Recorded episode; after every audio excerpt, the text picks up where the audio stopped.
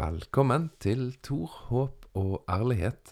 Det er Tor Håkon Eiken du hører nå. Og om litt så skal du få et gjenhør med Kai Krog. Kai Krog møtte jo du i podkasten for en tid tilbake. Og etter den episoden så kom det en del eh, spørsmål og henvendelser og tanker som vi håper Kai kan gi litt mer innsikt i i dag. Han er jo en eh, mann med mye erfaring, og opplever at han har god kunnskap.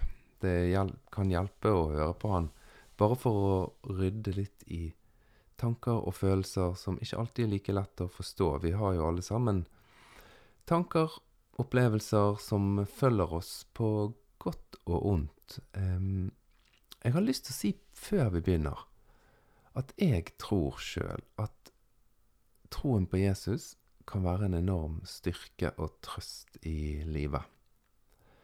Men jeg ser på spørsmålene som har kommet inn, og kommentarer, at når den kristne troen blandes med litt frykt og ja, fremtids, ja, fremtidsfrykt, så blir han av og til veldig usunn. Sånn at på når du hører noen av spørsmålene, så kan du tenke at ja, men dette er liksom en sånn podkast som sier at du må bare glemme troen på Jesus. Men da vil jeg minne deg om at Kai er også kristen. Sånn at det går an å nærme seg troen og leve med troen på Jesus på en sunn måte. Det er jeg veldig overbevist om.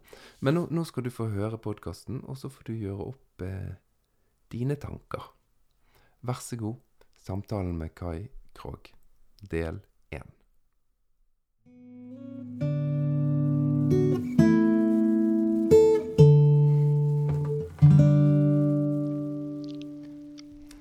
Jeg må jo si, først og fremst si tusen takk for sist, da. I like måte. Takk for det. det. det. var veldig kjekt å um, legge ut den podkastsamtalen som jeg hadde med deg. Og um, jeg må si jeg har fått så enormt positive tilbakemeldinger på den. Sånn virkelig. Så, så det var tydelig ønske fra folk å høre mer eh, av dine tanker. Og så virker det som det er interesse for å rett og slett lære litt rundt faget ditt. Som ja. Ja, det skal jeg formidle. Ja. Det syns jeg det må faktisk. Jo være... Hva? Nei, nei, hva sa du? Nei, jeg syns jo det er noe av det mest gøye jeg kan være med på, det å formidle faget. Fordi uh, faget er jo så spennende, og så har det med mennesker å gjøre. Og med, hvordan mennesker lever sine liv og takler sine utfordringer osv. Så, videre.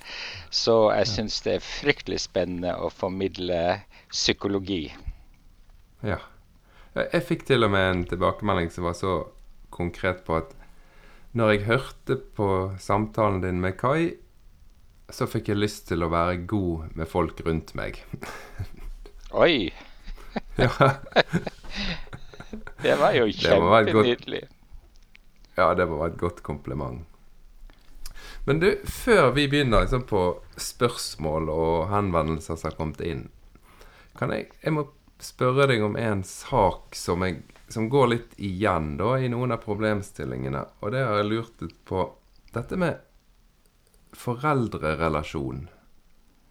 Er det en sånn gjengs over vanskelig sak? Nei, det kan man vel ikke si. Men uh, foreldre er jo vanlige mennesker og kommer i alle utgaver. ja. og uh, foreldre uh, er jo altså det å være kvalifisert for å være foreldre, det er jo ikke noe kurs man går på eller eksamen man skal avlegge. Det er jo mer eller mindre intuitivt gjerne det med at omsorgsevne og omsorgsatferd blir utløst f.eks. av barnegråt. Det er jo noe mm. som vi har fått med oss via evolusjon, da barnegråt mm. utløser omsorgsatferd mm. hos oss. Mm. Men som sagt, foreldre kommer i flere enn én utgave, alle utgaver. Mm. Og de er mennesker. Mm. Og mm. foreldre har både sine gode og sine mindre gode sider når det gjelder barneoppdragelse. Men det som er viktig, er jo det at det, det, er veldig fint å ha fått utlevert et godt foreldrepar. Fordi fra man er syv-åtte måneder til man er tre-fire år, så skjer det noe fryktelig viktig noe for et barn, mellom barn og foreldre. Mm. Og det er det vi kaller for tilknytning. Mm. Så tilknytningen, altså attachment, som heter på engelskspråklig, den legger grunnlaget for eh, en rekke andre ting i løpet av oppveksten sammen med mm. eh, foreldrene. Slik at i bunnen ligger det en tilknytning, og tilknytningen kan også komme i flere utgaver. Den kan komme i en trygg utgave. Det kan mhm. komme i en utrygg utgave, det kan komme i en ambivalent utgave, og det kan komme faktisk i det vi kaller for en disorganisert utgave. Mm. Og den siste er Den kan være skadelig. Altså, hvis man har fått utlevert ja, nå bruker jeg ordet 'utlevert' for Håkon. ja, men det er jo det vi har. vi har ikke valgt det, i hvert fall. sant, her er, er, det noen som kommer og sier 'har du lyst på dette foreldreparet', eller 'har du lyst på det'? Sant? Nei, vi putter de tilbake i kurven og setter dem opp på hylla. Og Nei da, det er jo ikke sånn det funker. Men disorganisert tilknytning, den, kan, den tilknytninga kan oppstå eh, når man vokser opp med foreldre som er uforutsigbare. Ganske ja. uforutsigbare. I det ene øyeblikket så skjer det, og i det neste øyeblikket skjer noe helt noe annet. Og man har problemer med å se et mønster i samspillet mellom barn og foreldre. Det blir disorganisert. Og når man forsker på eh, mennesker, voksne menneskers eh, hva skal man si, psykiske problem, noe av det man kan vise, eller kan, man kan påvise, er faktisk at mm. en, en, eh, det med å ha opplevd disorganisert tilknytning kan være en av variablene for uh, psykisk lidelsessiden. siden. men når du sier disorganisert, det handler ikke om liksom, orden i hjemmet, liksom, som om du hadde ryddig? Eller hva, hva er organiseringen? Nei, Organiseringen er jo dette med emosjonelt helt eh, ja. uforutsigbar. Altså Det går på den, ja. den emosjonelle kvaliteten, omsorgskvaliteten. I det ene øyeblikket så det er sannhet, og det andre øyeblikket så det er noe helt annet som er sannhet. Ja. Slik at mm. man vet ikke hvordan man skal forholde seg til den forelderen. Og så er det jo, er det jo sånn at den ene tingen er, altså det, De kommer jo ikke rene utgaver. Har man først det ene, så har man gjerne det andre. sant? Mm, mm. sant? Har man foreldre som har vanskelig med å på en måte organisere familielivet, så har man gjerne en del andre faktorer også inne i bildet. Ja. ja for jeg, jeg, spør fordi at jeg ser jo at noen av spørsmålene, ikke bare noen, men de er jo knyttet til utfordrende situasjoner i forhold til sine foreldre. Og det, det, er jo gjerne spørsmål fra voksne mennesker. Så det må jo være veldig avgjørende. Eh, og så tenker jo jeg som Jeg opplever at jeg har et godt forhold og trygt forhold til mine foreldre. Så jeg kjente litt på det når jeg leste, leste noen mailer, at det er ganske urettferdig, dette her livet, da. Hvis det er så krevende med foreldrerelasjon for noen mennesker, og for andre er det veldig greit. Ja, altså vi har jo, vi har jo forskning som viser eh, litt om hvilke variabler som er Altså som kan forårsake skade i, i barndom og oppvekst. Der mm. foreldre ikke fungerer så godt. Vi har jo god, solid, anerkjent forskning. Og hvis, hvis, hvis du vil, Tor Håkon, så kan jeg jo nevne noen av de variablene. Mm. Det er jo ja, man har jo ei liste, gjerne, og en av de listene som jeg pleier å støtte meg til, er ei liste som kommer fra California, et verdenskjent uh, forskningsprosjekt som heter ACE. Adverse mm -hmm. Childhood Experiences. Der har man liksom mm -hmm. stilt spørsmålet til vel 17 000 mennesker, fulgt dem siden 1990-åra, har man stilt mhm. spørsmålet til de eh, menneskene. Og dette er en normalpopulasjon, som det heter. Dette er ikke psykiatriske pasienter i utgangspunktet. Dette er helt vanlige mennesker som du og meg. Så har man stilt spørsmålet har du noen gang før du var 18 år gammel opplevd en gjentatt fysisk mishandling? Har du opplevd mm. emosjonell mishandling? Mm. Eh, har det forekommet seksuelt misbruk? Har det vært alvorlig alkohol- eller rusmiddelbruk i familien? En mm. annen risikofaktor er jo har et familiemedlem vært i fengsel. Vi kan jo tenke hvilke andre ting som kan følge med hvis et familiemedlem er i fengsel, f.eks. en far eller mor. Eller mm. faktisk også har et familiemedlem eller en omsorgsperson, din mor og din far, vært kronisk mentalt syk. Mm. Da er vi inne på dette med at hvis man, hvis man har en forelder som er kronisk mentalt syk, så vil den forelderen sannsynligvis ha mer enn nok med seg sjøl og klare mm. seg sjøl. Og dermed vil evnen til å være emosjonelt tilgjengelig for barnet, barnet være mm. redusert. Slik at da eh, går man glipp av at en foreldre, en omsorgsperson, er viktig for ens egen utvikling, er emosjonelt mm. tilgjengelig, tar imot en, har mm. en emosjonell tilbakemelding på, på, på barnet osv. For, forstår barnet innifra, forstår barnet emosjonelt. Sant? Mm. Så eh, en annen eh, faktor er jo at f.eks. det å se en forelder, f.eks. For se mor bli fysisk mishandla det er veldig mm. skadelig for et barn. Altså det med å se at én foreldre fysisk mishandler en annen foreldre. Og sånn har vi faktisk eh, også neglisjering. Alvorlig omsorgssvikt kan også mm. regnes med på denne lista. Eh, mm. Altså mer eller mindre total fysisk og emosjonell neglisjering.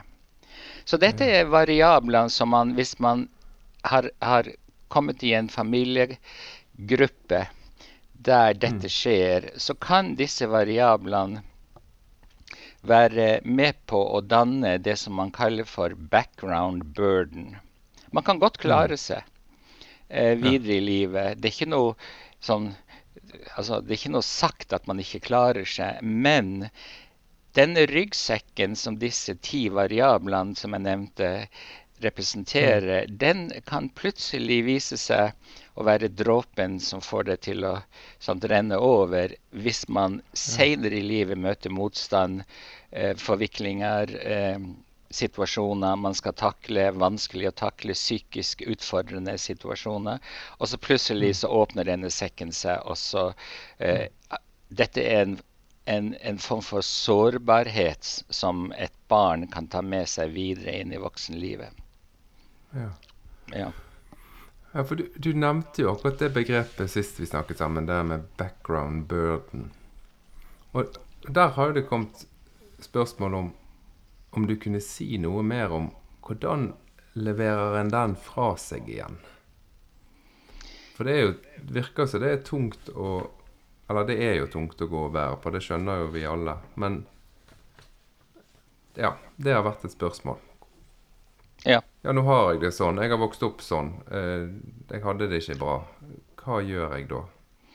Ja, nei eh, det, er jo, det, det, er et veldig godt spørsmål. fordi da, da, skal man jo inn i en prosess og levere det tilbake, det man egentlig ikke skulle hatt i utgangspunktet. Det var vel kanskje noe sånt vi snakka om i den første podkasten ja. vår. sant? Det vi har internalisert, det må vi eksternalisere.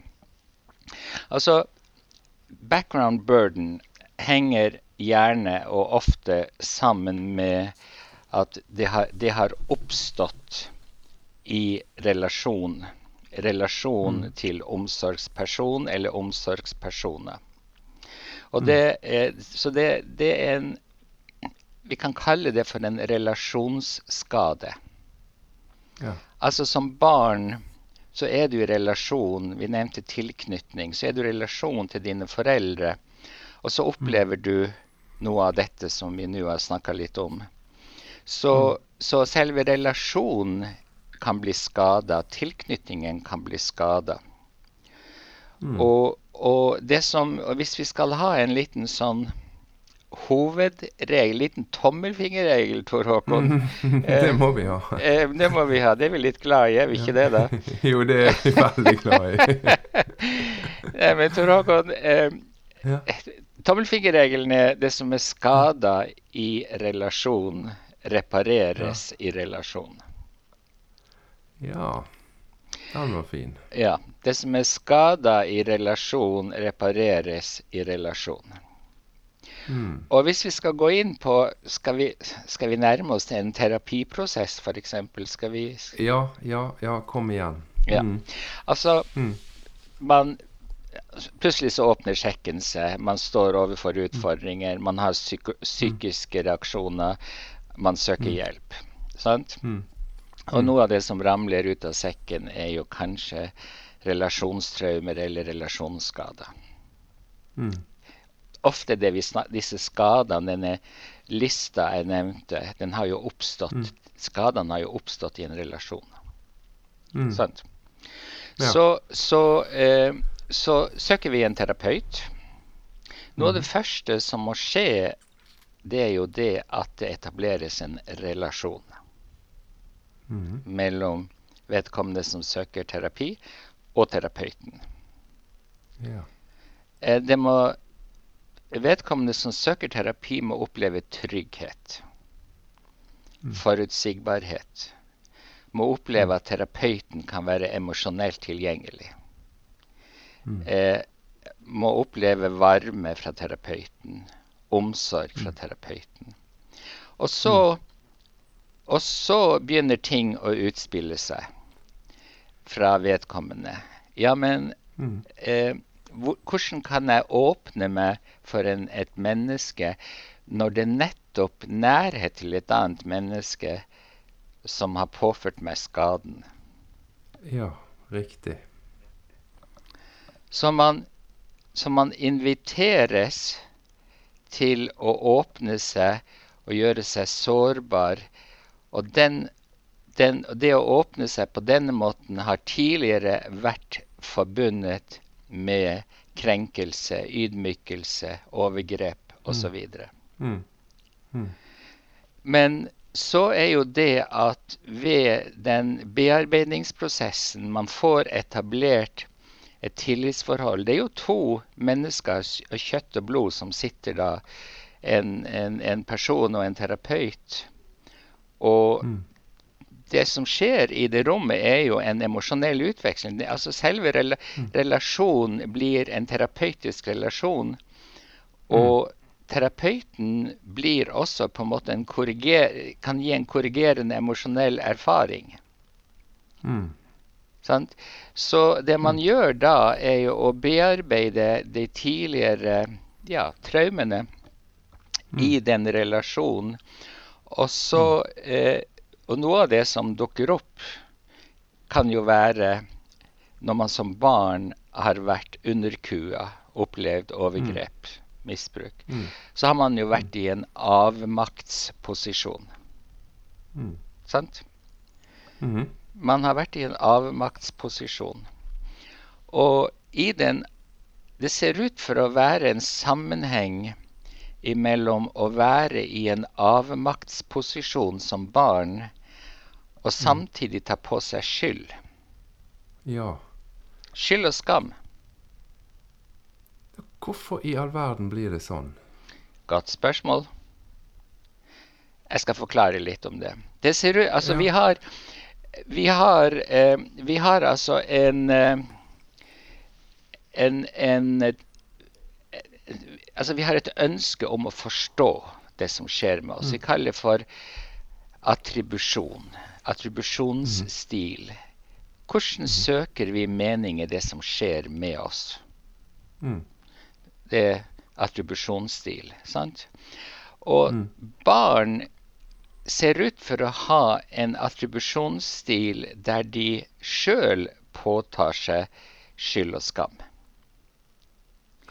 Og så det, ser det ut for å være et forhold mellom Et barn som er i en avmaktsposisjon, jo større avmakt dette barnet opplever, jo større skyld og skam kan dette barnet ta på seg. Wow. Er ikke det ganske fryktelig? Det er grusomt. Det blir jo en enorm byrde. Gjør vel det? Er, Jeg har et det det Hva? Nei, Kom- kom fortsett. igjen, fortsett. Nei, du skjønner, jeg har et av mine Jeg har jo etter hvert eh, eh, et eh, opparbeida med noen favorittsitat. Mm. Og et av de mine favorittsitater er fra 1943. Av en engelsk Nei, han var skotsk, ja. Psykiater. Mm. Han heter Ronald Fairbairn. 1943. Han var en av kreftene bak eh, den psykologiske retninga vi kaller for ob eh, objektrelasjonsretningen, object relations theory. Altså Mm. at vi mennesker er primært søkende hverandre. Vi er ikke primært søkende lystopplevelse, sånn som kanskje Freud mente. Vi søker hverandre. Vi er object seeking. Object i betydning menneskesøkende. Menneske, andre mennesker, ja. Hmm. Andre mennesker. Det er vår, hmm. vår, vår, um, vår primære motivasjon. Og Ronald Fairbairn sier i 1943, og nå har jeg oversatt dette til norsk, da Det er bedre Han snakker om barn. Det er bedre å Mm. være en synder i en verden styrt av Gud enn en engel i helvete. Skal jeg gjenta den? Wow. Ja, gjerne. Det er bedre å være en synder i en verden styrt av Gud enn en engel i helvete. Ja. Du vil ikke være en engel i helvete. Eller hvis du lever Altså, la oss se dette fra barn, barneperspektivet. Jeg syns dette summerer opp barneperspektivet, akkurat det vi snakker om. Mm. Altså, hvis du lever i en verden styrt av Gud, så er det jo en form for mening og trygghet i den verden, selv om det du opplever eh, negative ting. Du opplever overgrep og misbruk osv.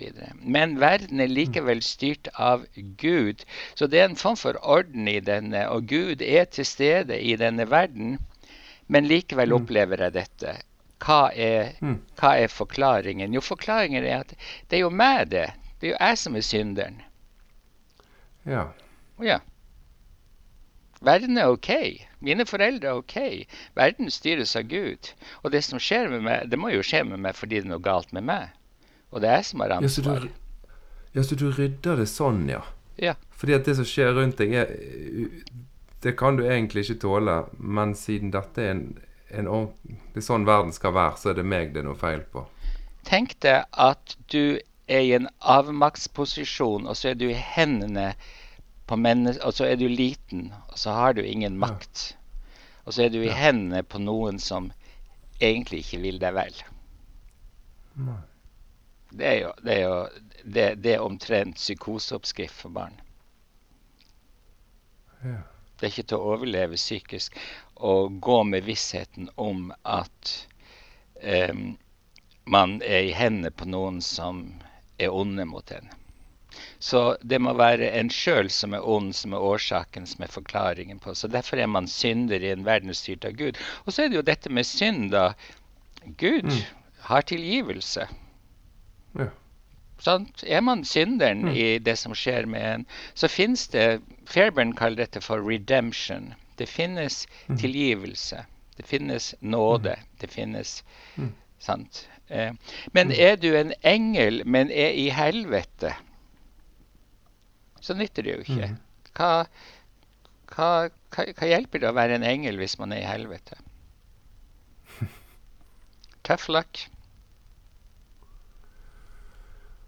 Wow.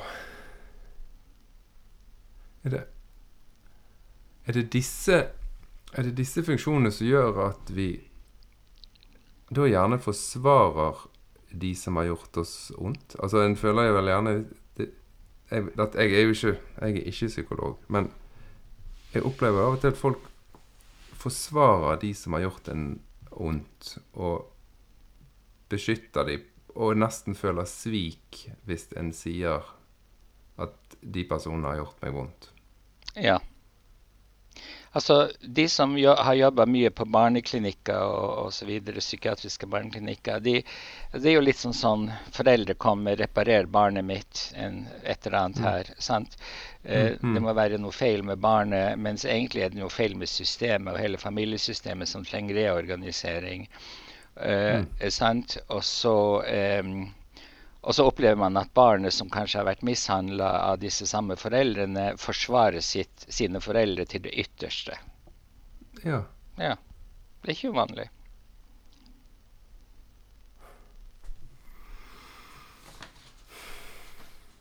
Men du, du, tenker at det går an å komme ut av dette og klare å få riktige proporsjoner og bilder av hvem som egentlig er den skyldige? Da tar vi steget videre. Ja. Da tar vi steget videre, til Håkon. Og steget videre er jo Man kan gjerne sitte fast i en opplevelse av avmakt. La oss mm. si en gutt som sitter fast i en avmaktsopplevelse for til sin far. Mm. Så det er barndomsopplevelsen som sitter fast. Mm. Så er jo spørsmålet den avmaktsopplevelsen Altså hvor gammel er den avmaktsopplevelsen? Omtrent når mm. starta den? Det er jo noe av det med psykoterapi eh, har jo ganske mange aspekter, da, men to av de mm. viktige aspektene er jo å forstå mening og årsaken. Altså rett og slett søke forklaring. Når oppsto noe av disse psykologiske reaksjonene? Eh, hvilken sammenheng står det i. Så en form for sånn årsaksarbeid, forklaringsarbeid, mm. søke meningsarbeid, men samtidig endringsarbeid. Så både mening og årsak og forståelse, bakgrunnen for, for symptomene eller reaksjonene, samtidig med endringsarbeid. Det går hånd i hånd. Så hvis vi finner mm. frem til eh, omtrent hvor gammel er den avmaktsfølelsen, denne opplevelsen av at du er hjelpeløs? Ja, du var hjelpeløs. Mm. Du hadde ikke noe makt å stille opp med. sant? Mm. Det kunne mm. tvert imot eskalere det negative. Eh, men mm. eh, Og så kan, kan vi eh, snakke om eh, Hvordan ville du beskrive din far fra, et, fra, fra deg som barn? Mm. Og så kan vi ta perspektivet Hvordan vil du beskrive din far fra perspektivet du som voksen? Mm. Sant? Mm. Eh, og så kan vi jo også si Nå er, du jo voksen, sant? Hvis du mm. tenker at du skulle gi barnet, den gutten som du var, noen råd og fortelle om hvordan vedkommende skulle takle eller eh, forholde seg til det, gutten da i det eh, eh, Skulle takle det som, som, gutten opplevde. Hva ville du si til denne gutten? Mm. Og så er det jo til syvende og sist sånn kan man gå frem i Altså, det fascinerende og det fine med med eh, psykoterapi er jo det at mm. historia om oss sjøl, narrativet, mm. er jo ikke fortalt en gang for alle som på en måte Nei. skrevet i stein. I stein. Poenget er bare det at hver gang du henter opp historie, ei historie, så ligger det mm. mulighet til å kunne endre noe på den. Ja. Å forstå nye synspunkter, nye vinklinger osv. I, i din historie. Forstå at den gang da var du avmektig, hjelpeløs kanskje. Mm. Nå er du voksen. Nå, du, nå, har du makt. Nå har du mestring, osv. Slik at etter hvert så bygger man opp da en opplevelse av at det var den gang da, mm. og nå har vi her og nå. Den gang da, her og nå. Og sånn gradvis eh, reduserer man denne barndomsopplevelsen av avmakt i forhold til en voksnes opplevelse av makt eller motmakt. Ja.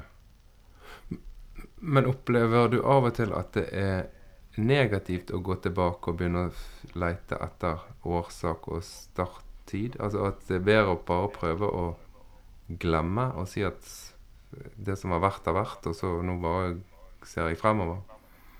Ja, altså det er jo også en mulighet, det å legge lokk på ting. Um, mm. Det er en mulighet. Det er en, noen, noen, klarer det bra. Noen klarer det godt, mm. sant? Mm. Å, og gå videre. Um, eh, og så legger de det bak seg. Poenget bare det også at det kan representere en sårbarhet, som vi snakka om litt tidligere. Slik at mm. får man utfordringer og for noe man må bale med virkelig, som kan skape psykiske utfordringer, eh, mm. så, så, kan det komme frem. Altså, Freud hadde et begrep som ikke er så veldig godt kjent, men som jeg syns er nyttig og fruktbart. På engelsk heter det 'the return of the repressed'.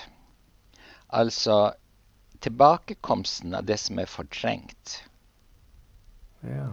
Altså det man fortrenger, kan komme tilbake i forkledning. Mm. Slik at det kan dukke opp på andre områder av livet uten at man er klar over dette. Sant? Så for noen, eh, så for noen eh, kan det være å legge lokk på ting. Eh, men for andre er det jo igjen dette med å rydde opp, skape mening. Hva var det jeg opplevde? Hvordan skal jeg mm. skape mening av dette? Eh, og hvordan går jeg videre. Det er en frigjøringsprosess for mange. Bryte mm. lenkene til en eh, barndom som ikke var bra. Ja.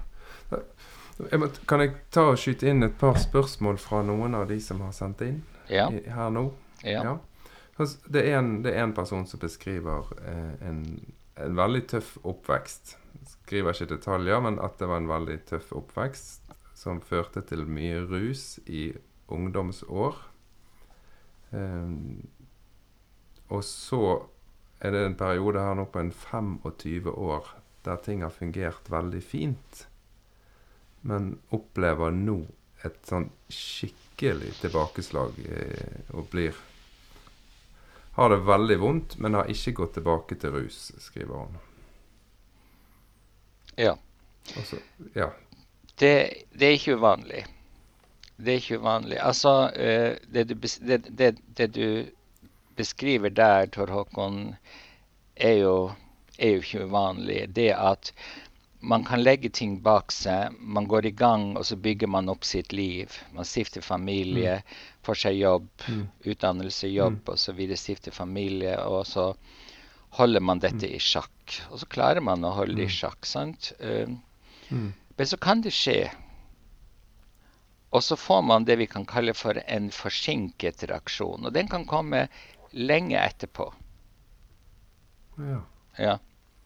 Altså, hvis jeg skulle tippe noe, eller hvis jeg skulle lage en sånn liten sånn hypotese om denne rusbruken, så, så ja. var det en form for selvmedisinering, kanskje. Det var å døyve den vonde affekten, de vonde emosjonene. Sant? Mm. Men mm. det er jo ikke noe god løsning. Det vet jo alle. Nei. Så, så, det å eh, det å finne andre måter å løse problemene sine på enn rus en, mm. Rus er jo en form for selvskading, sant? Ja. Det er jo rett og slett en form for selvskading. Mm. Eh, stort sett. sant?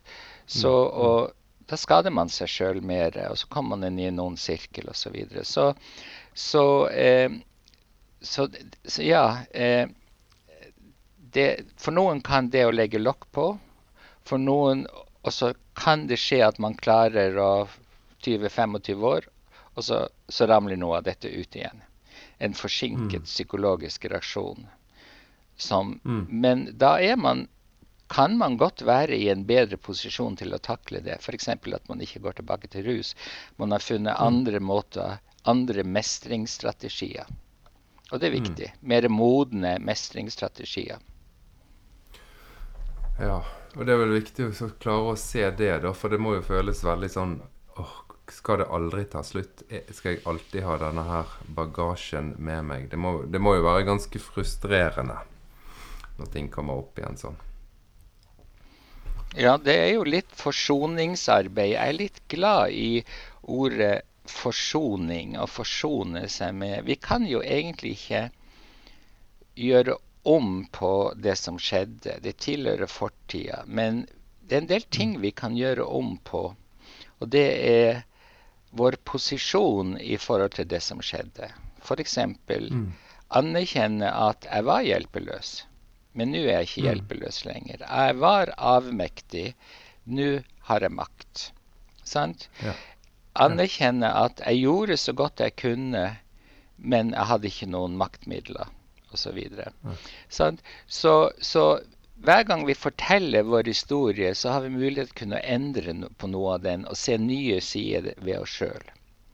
Mm. Eh, og så forsone oss med at ja, OK, de årene der, det var ikke bra.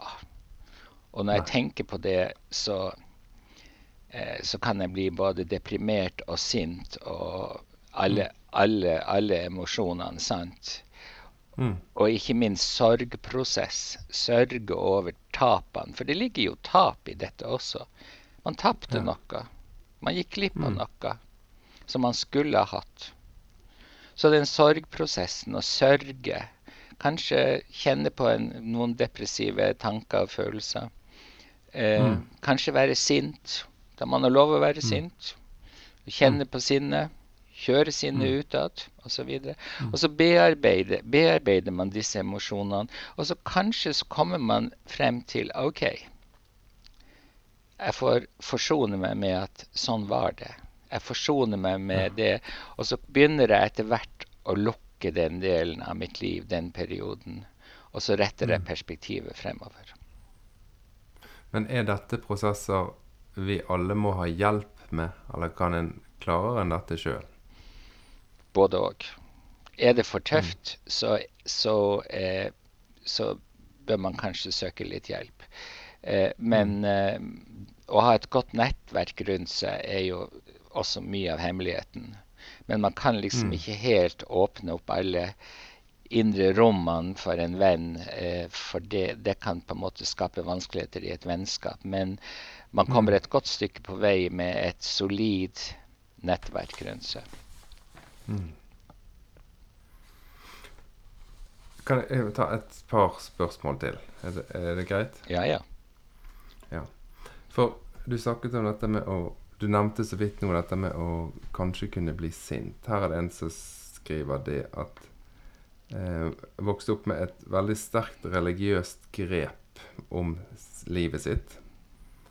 Eh, for å kunne leve har jeg så lite kontakt med hjem og bakgrunn som mulig. Jeg klarer ikke å være sint på de. Jeg er bare lei meg for at jeg har fått en slik kristen oppvekst. Skulle av og til ønske jeg kunne bli skikkelig sint, for det jeg har opplevd er ikke greit. Men jeg synes mer synd på dem, for de har selv sin oppvekst og arv som har formet dem. Ja, Det er vel mer en kommentar enn et spørsmål, egentlig.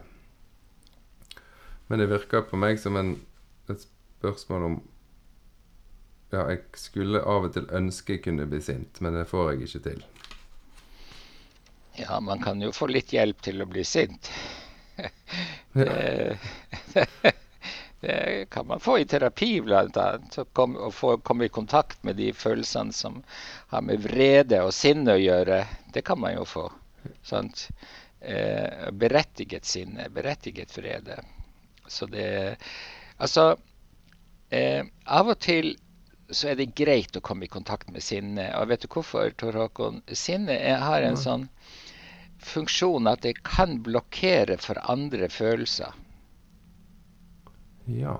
ja når sinne, sinne ligger der og skjermer og blokkerer litt for andre følelser, så sinne i sa, samspill med andre følelser er, er et, et område for å kanskje få hjelp til. Så det er mm. Så ja, nei um, eh, Vedkommende som skriver inn, sier jo at vedkommende har måttet skjerme seg. sant? Mm. mm. for å klare. Og det er jo det er noe av dilemmaet ved når man bryter ut av, mm. av en religiøs eh, minoritet, f.eks. Mm. mm. Og det å, å, skape et nytt liv eh, nytt liv utenfor den religiøse gruppen man tilhørte tidligere. Sant? Mm. Og det er, jo det, det er, jo noe av det viktige. Altså dette med ensomhet og manglende nettverk og osv.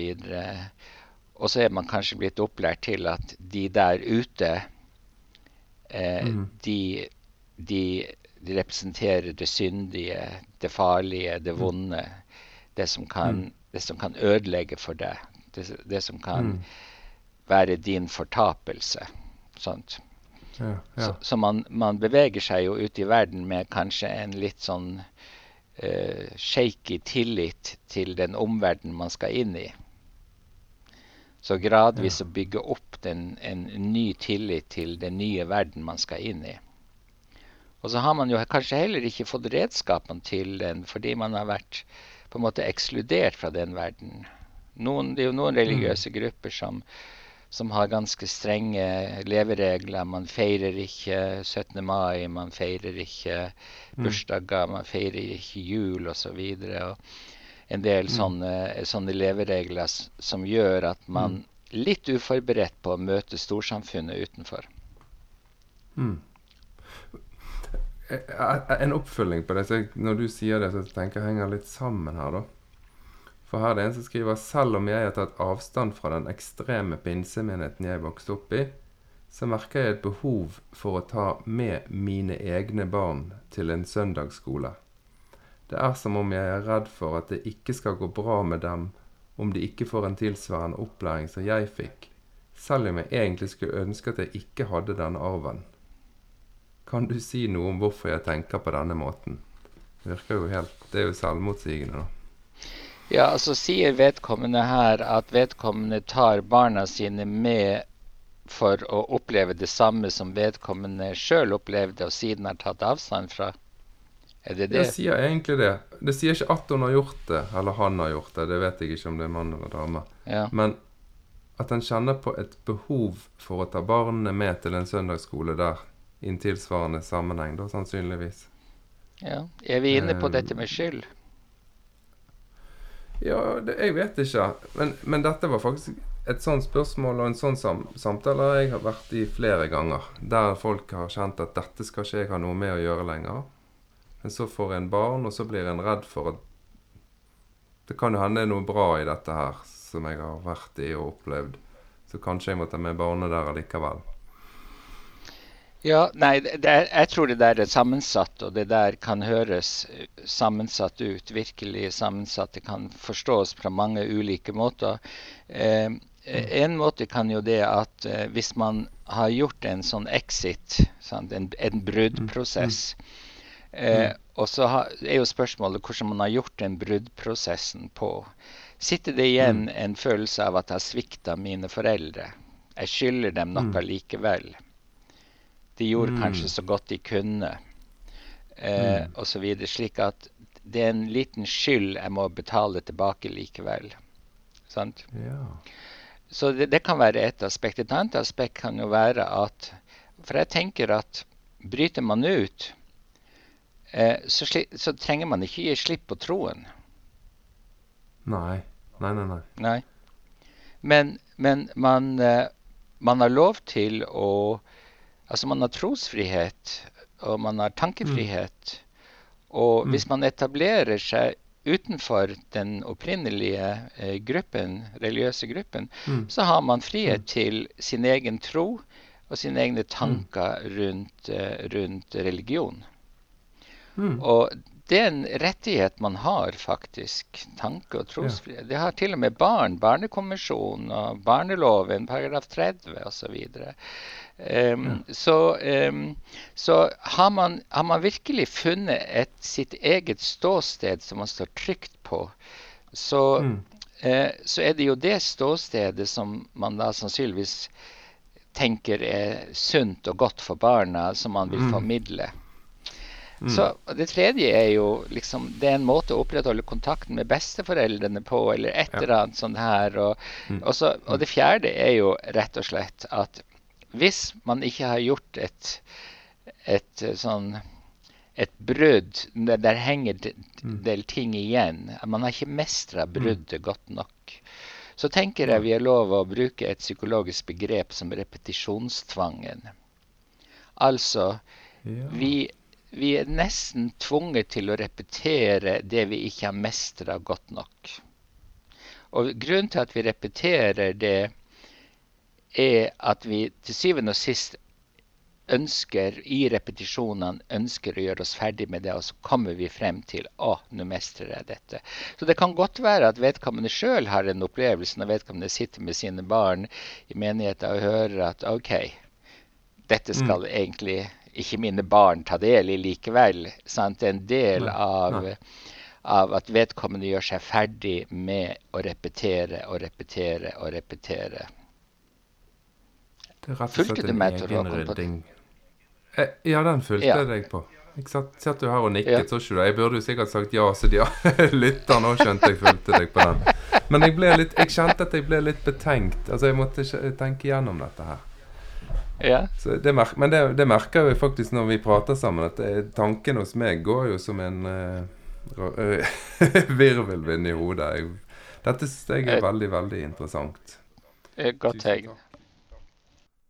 Ja, nå regner jeg med at du de siste minuttene kunne merke at jeg ble litt tankefull. Jeg hadde mye å tenke på når jeg satt og pratet med Kai. Så nå bestemte jeg meg for at her deler vi denne episoden. Nå stopper vi for i dag. Og så kan du gjerne høre om i en del av den. Noen ting kjenner du deg sikkert igjen i, noen ting er helt fjern for deg. Um, jeg ble nok ganske tankefull på bakgrunn av at jeg gjennom arbeidet i Skeivt kristent nettverk møter mange mennesker som faktisk har blitt utsatt for svært vonde ting i, eh, i kristendommens navn. Og det, det syns jeg er litt vanskelig å forholde meg til. Jeg, det vet jo du, det, det har vi snakket om før. Altså dette med troen på Jesus som jeg kjenner som noe som er så positivt i livet mitt. Det er en sånn trygghet og en styrke. Men jeg ser jo at det også er en angstfremkallende og skummel ting for en del mennesker. Så frem til neste uke så, så kan vi kanskje tenke litt hver for oss. Og så blir det en eh, ny episode neste fredag der vi går videre i samtalen med Kai, for vi snakket lenge. Frem til neste uke, ha det riktig så godt. Ha det bra.